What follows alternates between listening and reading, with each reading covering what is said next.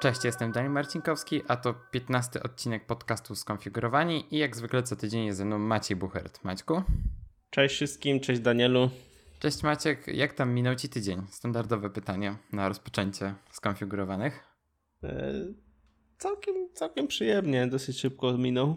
E, w, w sobotę zaprosiłem pierwszy raz znajomych do nowego mieszkania, także um, było, było ciekawie. Tak, także jesteś wczorajszy jeszcze dzisiaj. Tak, dzisiaj jestem wczorajszy. Mm. Będziemy starali się to maskować. Ale Oj, no też... no nie wiem, no nie wiem, czy masz ta, tak zaawansowane urządzenia, e, takie filtry audio, żeby zamaskować. No nie wiem, czy Audacity tutaj pomoże. No ale tak, właśnie z racji tego, że Maciek jest wczorajszy i tak nie za bardzo przygotowaliśmy temat główny, to dzisiaj będziemy tylko e, rozmawiali o takich mniejszych tematach, ale jakby to nie szkodzi, bo i tak pewnie będziemy spokojnie rozmawiali przez godzinę, jak to zwykle zresztą. Jak nie dłużej. No, Albo dokładnie. krócej. No, e, więc Maćku, powiedz, co tam u Ciebie słychać właśnie jeżeli chodzi o technologię, bo w notatce widzę, że będzie PC Master Race. E, tak, e, dwie rzeczy. Jedna mniejsza, duża, druga większa. Mm, jak dobrze wiesz i słuchacze może też wiedzą, trochę, trochę zacząłem ambitnie podchodzić do streamowania. E, no, widziałem tam na Twitterze sporo informacji. Tak, tak, tak. I... Mm, zacząłem, kupi, zakupiłem sobie kamerkę, bo stwierdziłem, że streamer bez kamerki to tak trochę słabo. Bo jest, tym bardziej, że dopiero zaczynam, więc ludzie nie znają mnie. W związku z tym kupiłem sobie kamerkę. I tak patrzyłem sobie na to, jakie kamerki mają aktualnie streamerzy, youtuberzy i tak dalej. I w 90% przypadków e, przewijała się kamerka Logitech C920. To jest ta, którą od kilku lat sprzedają, co nie? Tak, dokładnie. Tak, to jest I... stary, dobry model. Tak, stary, dobry model, ale po pierwsze nagrywa e, Full HD w 60 klatkach i ma 13 megapikseli e, matrycę. Wow. To jest spoczko, spoczko yy, yy, specyfikacją, ale kosztuje ponad 300 zł. Hmm. Um, w związku z czym stwierdziłem, no nie będę, e, nie będę inwestował tyle w e, streamowanie, skoro nawet nie wiem, jak mi to pójdzie. E, więc kupiłem trochę słabszy model, C270 bodajże, z tego co pamiętam. Tak, C270 i to jest kamerka, która nagrywa w 60 klatkach obraz 720p. No to jest jakby też spoczko, bo nie, mm, ja nie streamuję w mm, Full HD, tylko w 720, bo moja jednostka nie pozwala mi na to. Znaczy pewnie by mi pozwoliła, ale wolę jej nie przeciążać. Mhm. A jak już jesteśmy przy hmm, mojej jednostce, to w piątek e, zebrałem się w końcu i wyczyściłem do cna mój komputer, to znaczy rozebrałem w sensie go. Fi fizycznym. Fizycznym, tak, tak. fizycznym. E, rozebrałem go i hmm, wyczyściłem i zmieniłem pasty termoprzewodzącą na procesorze i ogólnie popracowałem nad e, cyrkulacją powietrza w e, obudowie. Bo przed tym, jak zacząłem streamować, to miałem to totalnie w dupie, bo wiedziałem, że moja jednostka jest na tyle mocna, że nie będzie jakoś specjalnie się e, obciążać, jeśli będę grał w jakiekolwiek gry. No i przed to było tak, że miałem jeden wentylator z tyłu, jeden z przodu i jeden na topie. I mm, to były wentylatory 100 mm. No i tam miałem jeszcze, jeszcze niestandardowy cooler do procesora. Teraz zrobiłem to tak, że. Mm, a, jeszcze przed rozebraniem to mm, temperatury podczas streamowania i grania w CSGO to sięgały 60-70 stopni, co jest nie jest wcale jakimś e, wysoko, wysokim wynikiem, więc y, byłem zdziwiony nawet, mhm. jak to było e, przed. Ale teraz po e, mam aktualnie dwa, te same dwa wentylatory z przodu i jeden z tyłu. I ustawiłem je w taki sposób, żeby ten z tyłu wtłaczał powietrze, wentylator na radiatorze e, wypychał do przodu powietrze i dwa wentylatory z przodu też wytłaczają powietrze. Więc ta cyrkulacja jest dosyć liniowa i nie, nie ma tam żadnych zaburzeń w, w, w drodze powietrza, przez co powinno być lepiej, teoretycznie. Wymieniłem też pastę i to może być powód, dla którego, jak sprawdzałem dzisiaj osiągi, nie udało mi się tego osiągnąć. Ale to są dwa, e, są dwie sprawy. Kiedy ja sprawdzałem w trakcie streamowania, jak, mm, jak, e, jakie temperatury osiągam, to było dosyć chłodno. Dzisiaj jest e, dosyć gorąco, bo jest ponad 25 stopni. W związku z czym mm, wiadomo że temperatura w obudowie też będzie wyższa. E, plus może właśnie źle położyłem ten, ten ter, pastę termoprzewodzącą na e, procesor. To jeszcze będę sprawdzał, także może gdzieś tam na Twitterze napiszę, czy mi się udało osiągnąć cel. Ale warto raz do roku wyczyścić doc na komputer, bo sporo nawet w takich małych zakamarkach się ten kurz chowa i on tam później może sprawić niemałe nie, nie, małe problemy na, na płycie głównej, e, jeśli się coś tam zewrze i tak dalej. No jak się ma desktopa, polecam. to zdecydowanie. No nie tylko desktopa, nie? No bo jak masz MacBooka, który ma wentylatory, no to też on wtłacza powietrze i to nie jest czyste powietrze, tylko zawsze jakiś kurz się tam dotrze, nie? No tak, no tylko w MacBooku wiesz, jednak ciężej jest to wyczyścić, to bym musiał go do serwisu zanieść. Lub pod sprężone powietrze, nie? No albo tak, no tylko wiesz, no, mi ten wentylator na tyle rzadko się włącza w tym komputerze, że ewentualnie ten kurz może po prostu sam z, z siebie tam lecieć. Na szczęście ten wentylator jest tak umieszczony, no, że tam mało powietrza jakby dochodzi w ogóle w tym erze, bo w tym erze jest za tą e, klapą. Mhm, ja wiem, wiem, wiem. No, więc jakby e... tam to nie jest problem. No pewnie nie. Ja tam no, jak mam służbowego laptopa, to od czasu do czasu idę po prostu do pomieszczenia techników i oni akurat mają sprężone powietrze i sobie czyszczę. Hmm. No ja mój komputer regularnie przecieram, ale to raczej tak wygląd zewnętrzny niż wewnętrzny. No, także muszę jeszcze posprawdzać te temperatury w innym w innym czasie, żeby sprawdzić. Mniej więcej była ta sama mm, temperatura otoczenia, co, co jak sprawdzałem wcześniej. E, I może kiedyś wymienię tę obudowę, bo według mnie jest po prostu już e, za słaba na mój setup. Po prostu za mało mam miejsc, gdzie mógłbym te wentylatory jeszcze dołożyć, e, żeby to lepiej działało. Plus na przykład nie mam miejsca na drugi dysk SSD, przez co musiałem kombinować gdzieś go tam przekręciłem, ale on się trzyma tylko na jednej śrubce, nie? Hmm. Fakt. Komputerem nie, nie rzucam, nie przenoszę go i tak dalej. To ten, ten dysk nie ma, i tym bardziej, że to jest SSD, to nie, nie ma co tam się popsuć mechanicznie, ale sam fakt, że tak jest, nie? No to trochę słabe, więc mam zamiar później jakiś tam kupić sobie obudowę lepszą po prostu. No tak, tak o której mówiłem w dziesiątym odcinku. A, no tylko właśnie te obudowy potrafią kosztować masę kasy. No, tam co patrzyłem, to kosztuje około 450 zł. Aj, dużo. No, trochę kosztuje, niestety. Ale jest bardzo dobra. No i będziesz miał masę miejsca do rozbudowy też. To trzeba brać pod uwagę. Mhm. Wiesz, takie ści ścieśnienie wszystkiego może mieć złe. Yy, znaczy może być złe na przyszłość, co pokazał nam Mac Pro.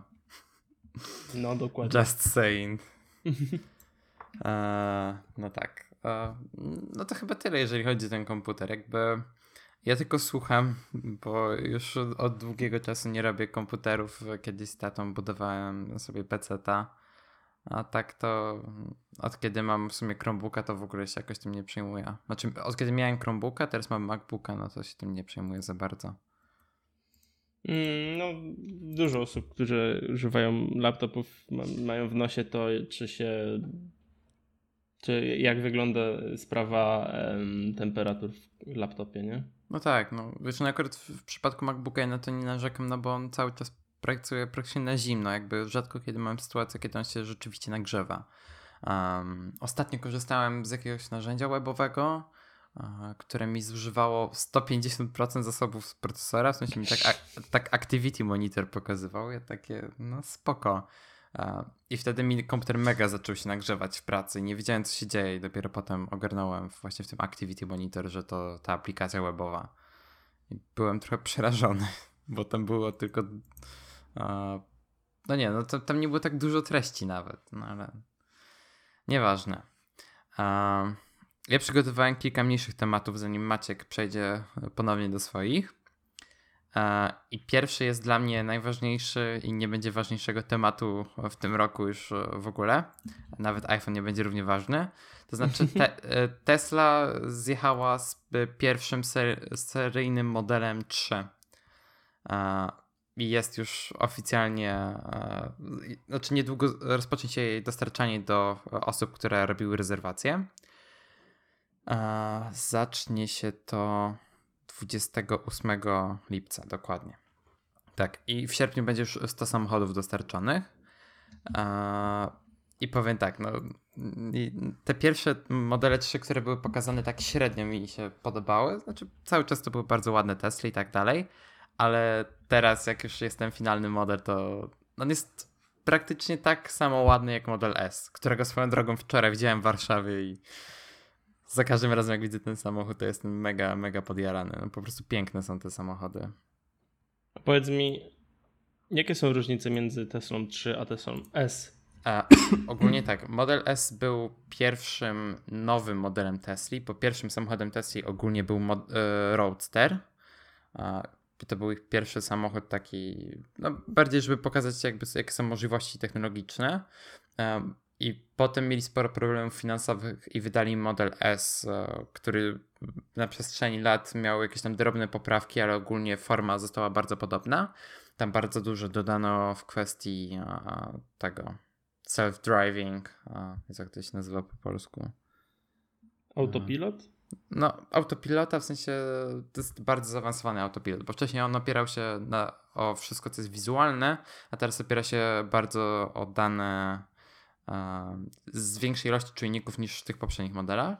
Potem wyszedł model X, czyli SUV, bo model S to był taki sedan, a model 3 to jest też taki sedan, ale trochę mniejszy.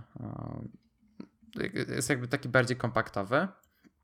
E, I model 3 ma być modelem budżetowym, bo jego ceny zaczynają się od 35 tysięcy dolarów, czyli w Polsce będzie kosztował powiedzmy około 180-200 tysięcy złotych jak na samochód e, tego typu to i tak jest e, w miarę standardowa cena, no bo jak porównamy sobie na przykład z BMW i3, e, to ono też jakby kosztuje w bardzo, na bardzo podobnym pułapie cenowym.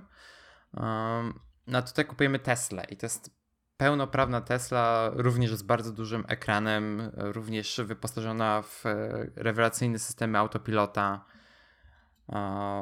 No tylko jest po prostu tańsza no jest nieco mniejsza. Jakby w środku pewnie wykończenie też jest na trochę gorszym poziomie, ale w Teslach nigdy to nie było jakimś wyznacznikiem jakości, bo Tesla, jeżeli chodzi o wnętrze, są bardzo ubogie i bardzo tanie nawet. Jakby to, co jest najdroższe w tym samochodzie, to jest technologia. I teraz e, po raz pierwszy jest Tesla, która kosztuje tylko 200 e, tysięcy złotych. I to jest samochód, który no, nie, nie, musimy po prostu płacić za paliwo, bo większość ładowarek elektrycznych, które są dostępne w Polsce, są darmowe. E, superchargery, mimo tego, że od teraz są płatne dla nowych użytkowników Tesla, to i tak jest tam jakiś darmowy limit roczny, który można wykorzystać z tych superchargerów. Więc i tak, jak ktoś w Polsce będzie korzystał z tego superchargera raz na miesiąc, jak będzie gdzieś w dłuższej podróży, e, no to w zupełności ten darmowy limit powinien, ładowań powinien mu wystarczyć. No, jakby przede wszystkim najważniejsze w tym modelu 3 jest to, że to jest pierwszy, powiedzmy, budżetowy model tego samochodu. Mm, szczerze powiedziawszy, jak na Tesla to jest, znaczy jak na Tesla, jak na auto elektryczne to nie jest wcale dużo. To jest to bardzo. Przynajmniej... Znaczy to jest taka, taki minimalna, minimalny budżet wejściowy obecnie. No, dokładnie. Nawet e-Golf kosztuje 200 tysięcy w takiej bardzo dobrej konfiguracji, a e-Golf zaczyna się od 150 tysięcy. E, sprawdzam tylko, ile on ma tutaj, jaki może ten maksymalny Zasięg. dystans y, przejechać na jednym tym. Wiesz to właśnie, zasi właśnie zasięgi w Teslach są bardzo dobre, jakby oni mają te technologie. Tak, są bardzo dobre i, i to trzeba im przyznać, ale tak. się zastanawiam jaki jest w stosunku do modeli, modelu S. To znaczy tak, na stronie teraz mają 215 mil, ale z tego co ostatnio gdzieś czytałem, to jest nawet do 300 mil. Hmm. Hmm. No 300 mil to jest niecałe 500 kilometrów, nie? E, jakoś tak, czekaj, 200... 482 dokładnie. Tak, czekaj, 215 mil do, w kilometrach to jest... Wait, nie, to coś mi źle pokazało. 346. Tak, tak, tak, tak. No to to nie jest za dużo, mm, ale still, to jest tylko 200 tysięcy, biorąc pod uwagę to, ile kosztują teraz samochody elektryczne. I on też ma te wszystkie czujniki, tak? Tak, tak, tak. Tam jest w pełni. Znaczy, oczywiście najdroższy model ma w pełny autonomiczny system prowadzenia i tak dalej. To według mnie jak najbardziej, jeśli ktoś ma 200 tysięcy złotych i nie wie na co wydać, no to myślę, że ze spokojem mógłby sobie kupić. Powiem tak, ja jestem ogól, ogromnym fanem Tesli i bardzo bym chciał ją mieć w przyszłości. E, taki model, na który będzie mnie stać. A ta trójka mi się bardzo podoba, zarówno wizualnie, jak i technologicznie, jakby zresztą jak każda Tesla. Mm. No i tak jak mówię, tak jak wczoraj widziałem model S, to ten samochód jest po prostu tak piękny na żywo. No, mi, mi też się, no, co, co trudno, co, co tu powiedzieć, no motory, no motory. E, co, co tu powiedzieć, modele po prostu są ładne, tak, te Tesla. Tak, tak, nie, zdecydowanie. Cóż, mam nadzieję, że kiedyś będziemy tyle zarabiali na podcaście, że będzie nas stać. Wtedy będziemy mogli no. zrecenzować, jakby tylko po to, wiadomo. No wiadomo. No wiadomo. Później oddamy. Tak, jasne. Ojej, dobra, to tyle z mojego rozmarzania się na temat Tesli. Jakby jest, już niedługo będzie można normalnie kupować, znaczy no, niedługo. Pewnie w przyszłym roku dopiero ruszy taka w miarę normalna sprzedaż. Na razie jakby są realizowane te zamówienia z rezerwacji. Tak trochę zmieniając temat, e, napisałem w tym tygodniu w końcu nowy wpis na bloga. Jest on o tym, jak zacząć własny podcast. I to jest taki bardzo praktyczny e, i techniczny poradnik, jak to zacząć, a, nie jak mi ktoś zwrócił uwagę e, pozbawiony sensu w, po prostu w takim samym stylu jak wszystkie moje wpisy. E, pozdrawiam. Wpis. Ja piszę technicznie. Mi się podobał. Dziękuję. Ja czy, czytałem i jak najbardziej polecam. Tak, ja piszę bardzo technicznie i też właśnie jak znowu, jak teraz tworzyliśmy skonfigurowanych, to przechodziłem przez to znowu, e, przechodziliśmy przez to wszystko razem e, i też właśnie zebrałem te wszelkie doświadczenia, które mogą, mam nadzieję, pomóc innym ludziom zainteresowanym tworzeniem własnych podcastów. E, więc jeżeli jesteście właśnie zainteresowani i chcielibyście nagrywać własny podcast, to zapraszam. To, tam jest dużo takich konkretów, Zresztą jak w większości moich wpisów, więc e, na pewno się nie zawiedziecie, jeżeli chodzi o, o bezpośrednie e, przekazanie informacji. Pozdrawiam Miłosza. On będzie, Miłosz będzie wiedział o co chodzi. Okej. Okay. Mm, dobra. O Audacity. E, słucham? Nie, bo Miłosz mi zwrócił uwagę, że Audacity używam. E, nie, nie, mi o coś innego chodzi, ale mniejsza o to. I po raz kolejny zmieniając temat bardzo mało płynnie, Things, czyli aplikacja, o której już wspominaliśmy kilka razy, e, dostała update, na który ja osobiście bardzo czekałem. To znaczy, można w końcu dodawać powtarzające się taski w konkretnych projektach. I ja w końcu będę w stanie napisać szczerą i rzetelną recenzję tej aplikacji na mojego bloga, więc jeżeli jesteście zainteresowani jej zakupem, to w ciągu myślę tygodnia, dwóch pewnie rzucę recenzję na bloga. Czekam z niecierpliwością, bo kurde, y, nadal nie, nie widzę sensu wydawania pieniędzy. E, może ty mnie przekonasz. W sensie, jak to jest jednorazowy zakup, to nawet spoko, tylko no problem jest taki, że no nie wiem, ja na przykład wolałbym zainwestować te pieniądze w Todoista, już tak wstępnie mówię. Z, nie wiem, z Todoista mi się po prostu przyjemnie jakoś korzysta. I mam pewność, że jeżeli nie mam dostępu do Todoista mm, z poziomu urządzenia, które, z którego aktualnie korzystam, to zawsze mogę webowo się do niego zalogować i coś tam sobie sprawdzić. I to jest bardzo, bardzo wygodne.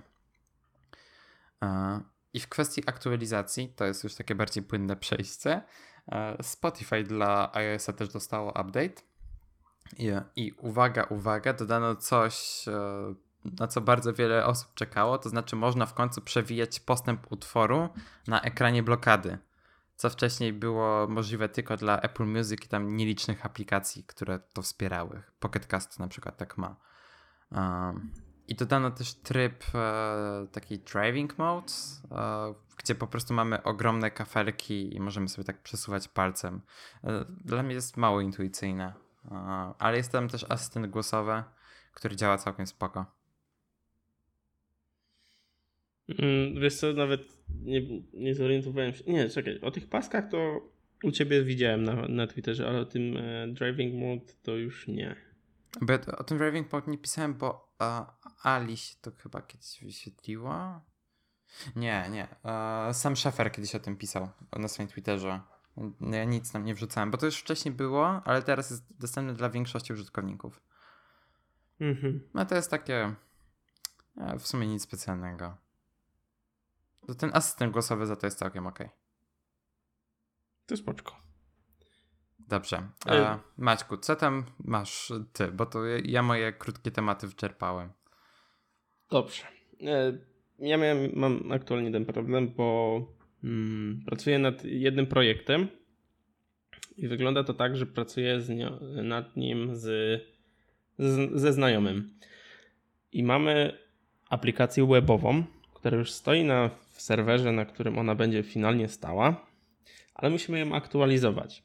No i bywa często tak, że znaczy bywa często tak. Mamy tak, że on ma swój projekt offline'owo na swoim komputerze i ja mam swój projekt offline'owo na komputerze.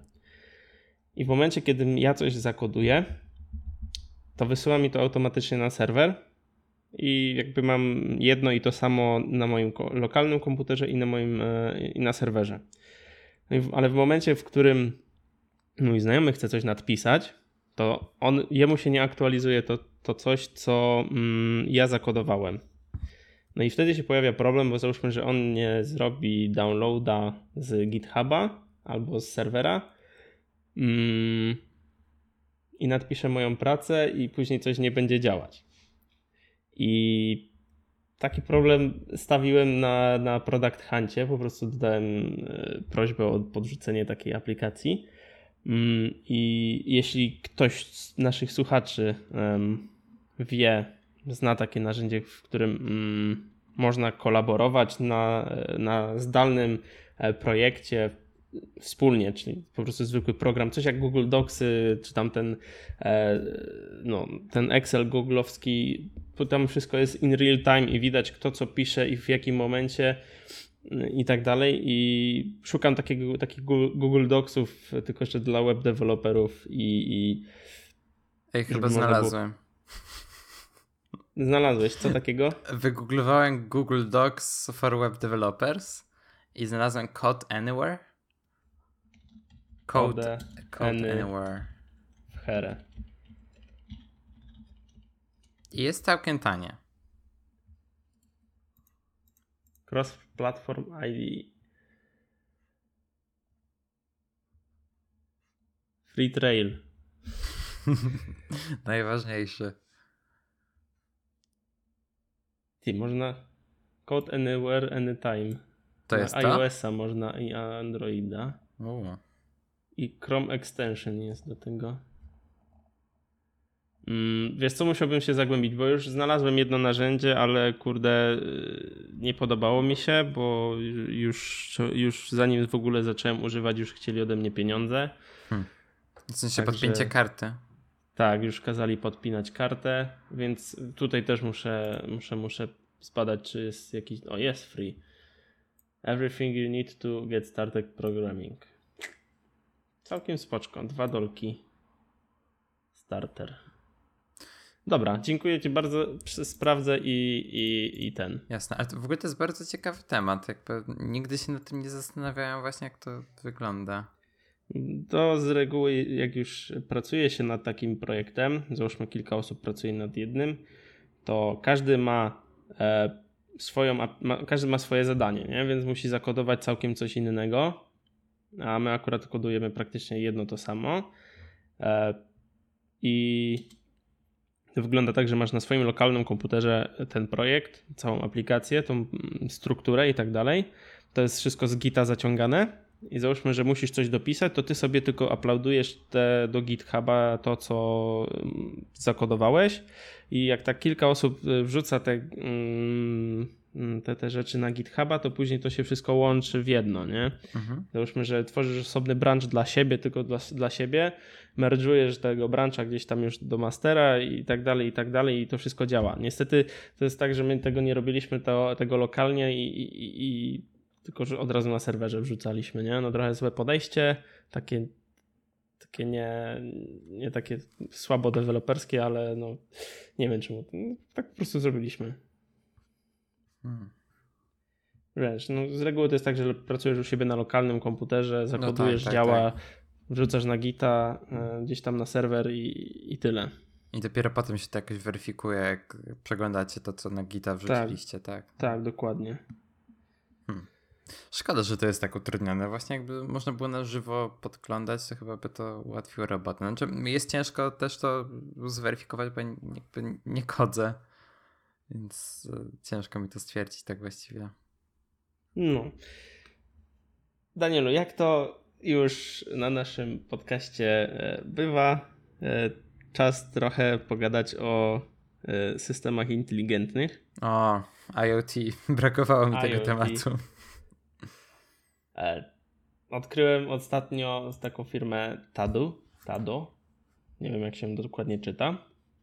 To jest firma, która mm, tworzy inteligentne urządzenia pozwalające na sterowanie ogrzewaniem w naszych domach lub mieszkaniach. O ja, ale mają ładny termostat. O kurna.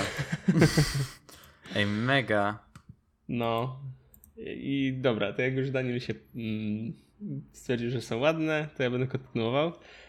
I tak, Głównym celem tej firmy jest y, zmniejszenie rachunków, naszych rachunków za ogrzewanie oraz ogólna ekologia, y, no, zwłaszcza zimą, gdy, gdy my jako ludzie chcemy po prostu wracać do ciepłych domów i po prostu często w domach jednorodzinnych jest palone w piecu, czy to w gazowo, czy w kominku jest palone cały dzień, aby po powrocie do domu z pracy, ze szkoły było nam ciepło.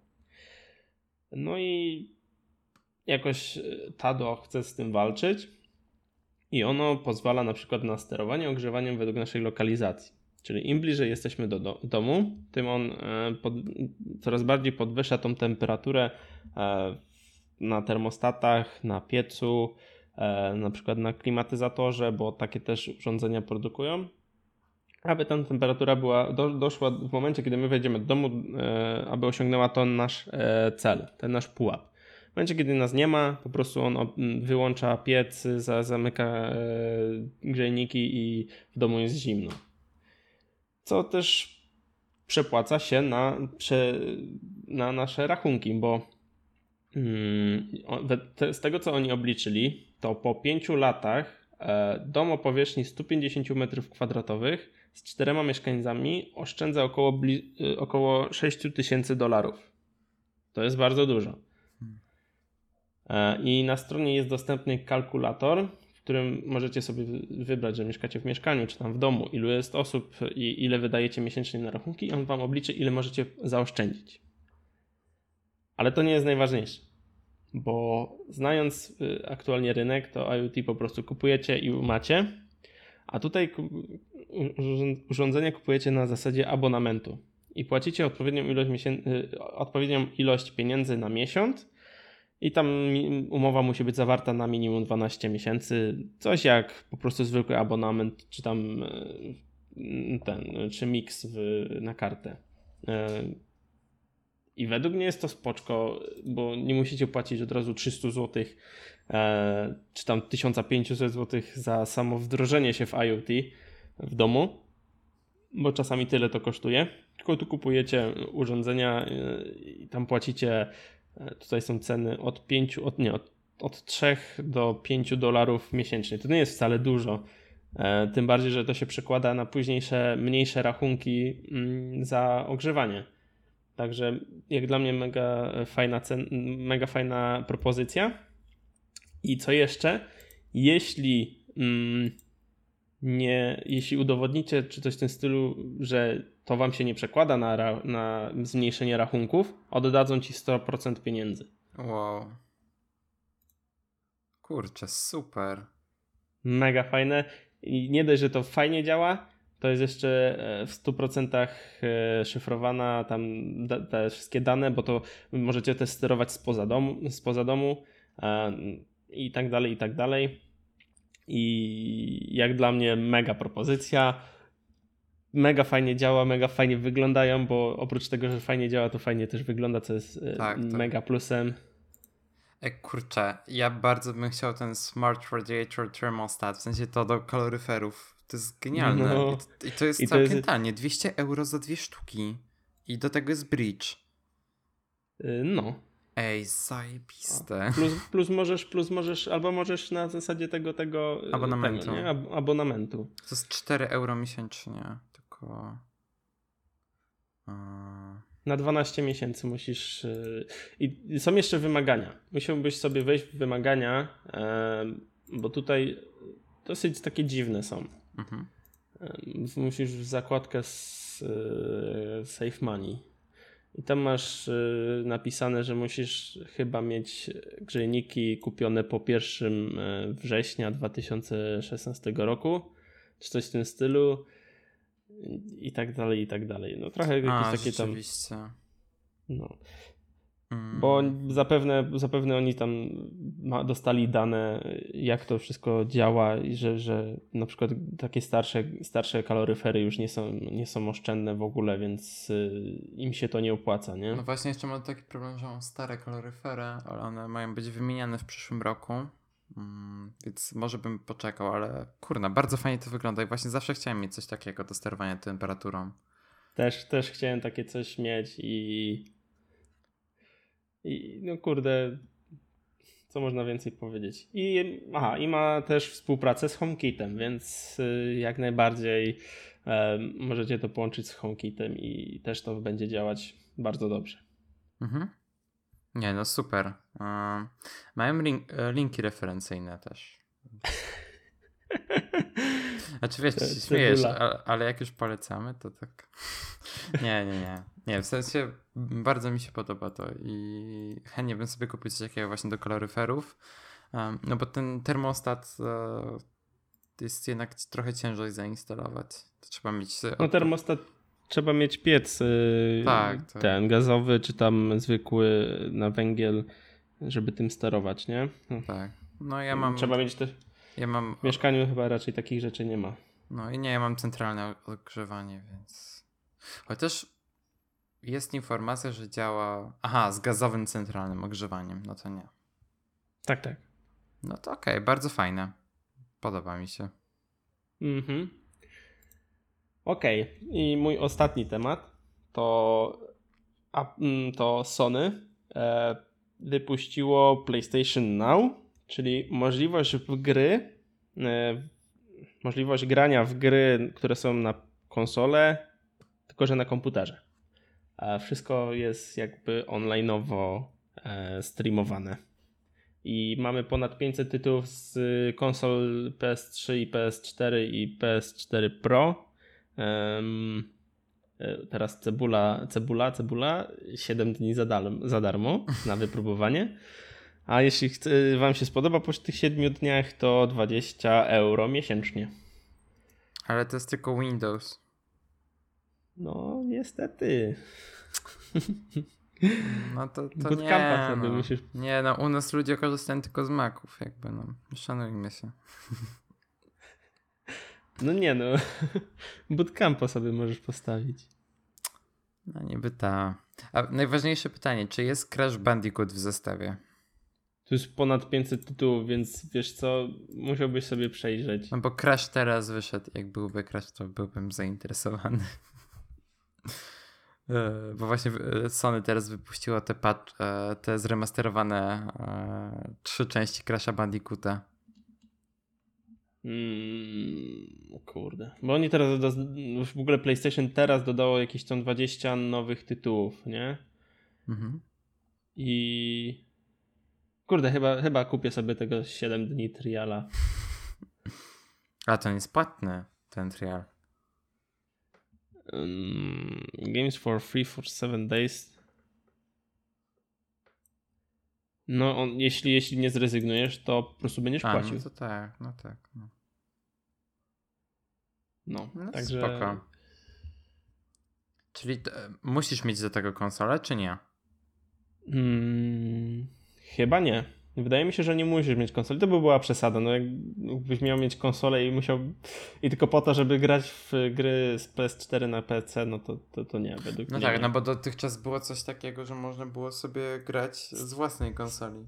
Streamujesz po prostu obraz z PlayStation 4 na, na, na komputer, nie? Tak, tak. Nawet na tablety i tak dalej. No i to też działało z Macami. Tak, tak, tak. To cały czas to działa nawet. No. Ciekawe, kurczę. No jeżeli tak, rzeczywiście to nie wymaga konsoli, no to super. Ty, a może inaczej to działać? Ty musisz kupić tę grę, żeby grać. No to... Wiesz, nie masz... Nie, nie no, Aha. według mnie to, to jest na zasadzie jak jest EA Access, czyli masz, płacisz jakąś tam sumę pieniędzy, ale grasz we wszystkie tytuły mhm. które są dostępne, a nie, że wiesz, kupujesz e, ten PlayStation Now, e, płacić i jeszcze musisz dodatkowo kupować gry. No to by było według mnie bez sensu. Co myślisz? W sumie tego nie, nie, nie ten. Znaczy, ja jakby nie słyszałem o tej usłudze za dużo, więc nie wiem, ale jest szansa, że to może działać tak jak mówisz. Tylko czekaj, bo zanim powiem coś głupiego, to lepiej, żebyśmy to potwierdzili. Czekaj, bo w Polsce to nie działa chyba. To PlayStation Now. Weryfikuję. Nie, no jest, e, jest napisane na stronie PlayStation, że um, będziesz miał dostęp do ogromnej biblioteki niesamowitych gier na PlayStation 4 i PS3. No, także jak, jeśli ktoś nie ma zamiaru kupować po prostu e, jakiejś gry, albo gier, nawet kilku i konsoli, no to według mnie jest jak najbardziej dobra po pozycja mhm. dla nich. Wymagania co do komputera też nie są wcale duże, bo tam jest no, na i trójce nawet to pociągnie, także. Hmm. To ciekawe, czemu na Maca tego nie zrobili. nie wiem. Kurde, no. Nie, no, nie widzę żadnej informacji, że trzeba posiadać konsolę, więc nie no, nie, według mnie nie, to by było bez sensu. Musiałbyś kupić konsolę po to, żeby grać w gry na PC-cie? Hmm. No trochę tak. No. no.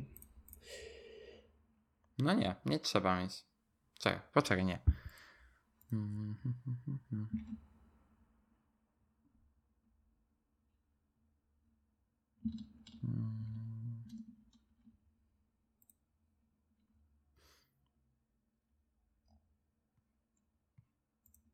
Nie, no, nie widzę żadnej informacji na ten temat.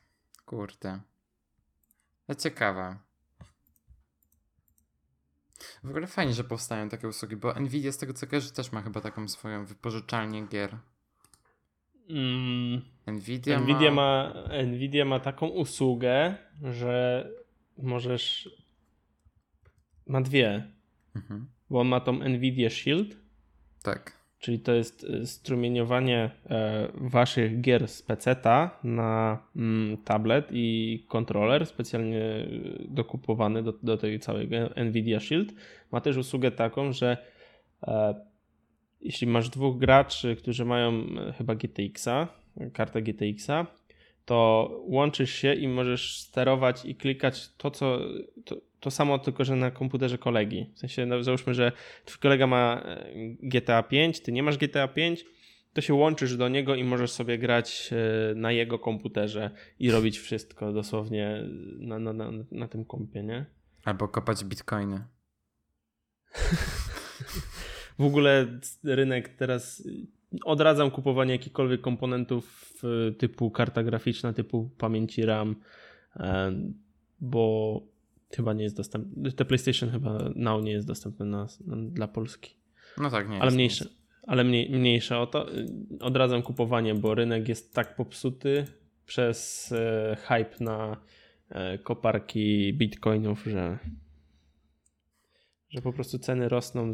Moja karta, która kosztowała tam 1200 zł, około to teraz kosztuje 1600. Coś w tym stylu. O kurno. Ej, w ogóle co ciekawe, Nvidia ma stronę na naszej klasie. Co? tak.